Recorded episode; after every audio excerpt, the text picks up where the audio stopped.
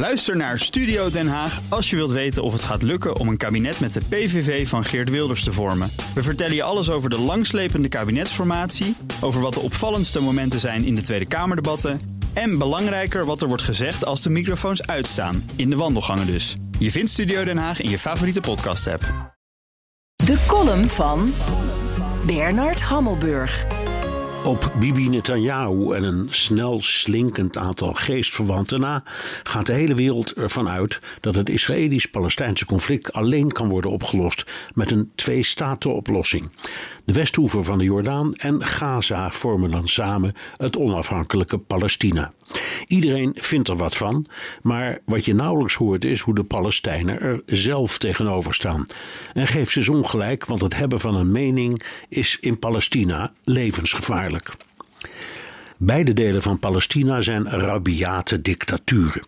Buitenlandse bewindslieden brengen plichtmatige bezoekjes af aan de 87-jarige Mahmoud Abbas in Ramallah, doen dan net alsof hij de leider is van de Westhoever en blijven hem braaf Mr. President noemen, hoewel verkiezingen al 15 jaar zijn uitgesteld. Zijn regime is tot de haarvaten corrupt en behoorlijk vreed. Openbare oppositie wordt niet getolereerd, vrije media zijn er niet, gevangenen worden gemarteld, executies zijn niet ongewoon, om nog maar niet te spreken over de LHBT-gemeenschap die opgejaagd wild is.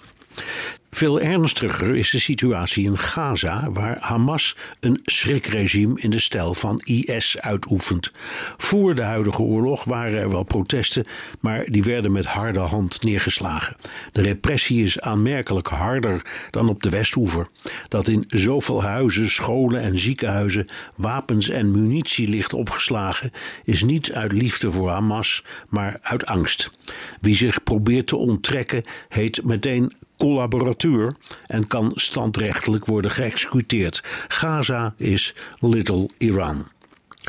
Joe Biden en andere wereldleiders vinden dat de twee delen van Palestina onder leiding moeten komen van de Palestijnse autoriteit, dus van Abbas, zoals voor de Gazaanse staatsgreep door Hamas in 2007. Netanyahu noemt dat onaanvaardbaar, de Arabische wereld ziet het als onuitvoerbaar. Toch zit daar de oplossing. Westerse diplomaten en invloedrijke Palestijnen, vooral in de diaspora, praten over de degradatie van Abbas tot een ceremoniële opa en de benoeming van een partijloze premier, zoals de alom gerespecteerde econoom Salam Fayyad. Van 2007 tot 2013 was hij premier van de Palestijnse autoriteit, had uitstekende contacten in de hele wereld, inclusief Israël maar werd weggepest door het Palestijnse parlement, hoewel dat alleen in naam bestaat.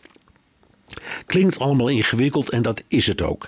Maar voor een twee-staten-oplossing is een levensvatbaar Palestina nodig. En dat kan alleen als de huidige Palestijnse roverhoofdmannen het veld ruimen en een geloofwaardig interimbestuur wordt geïnstalleerd. Zodat niet over de toekomst van de Palestijnen wordt gepraat, maar ook door de Palestijnen.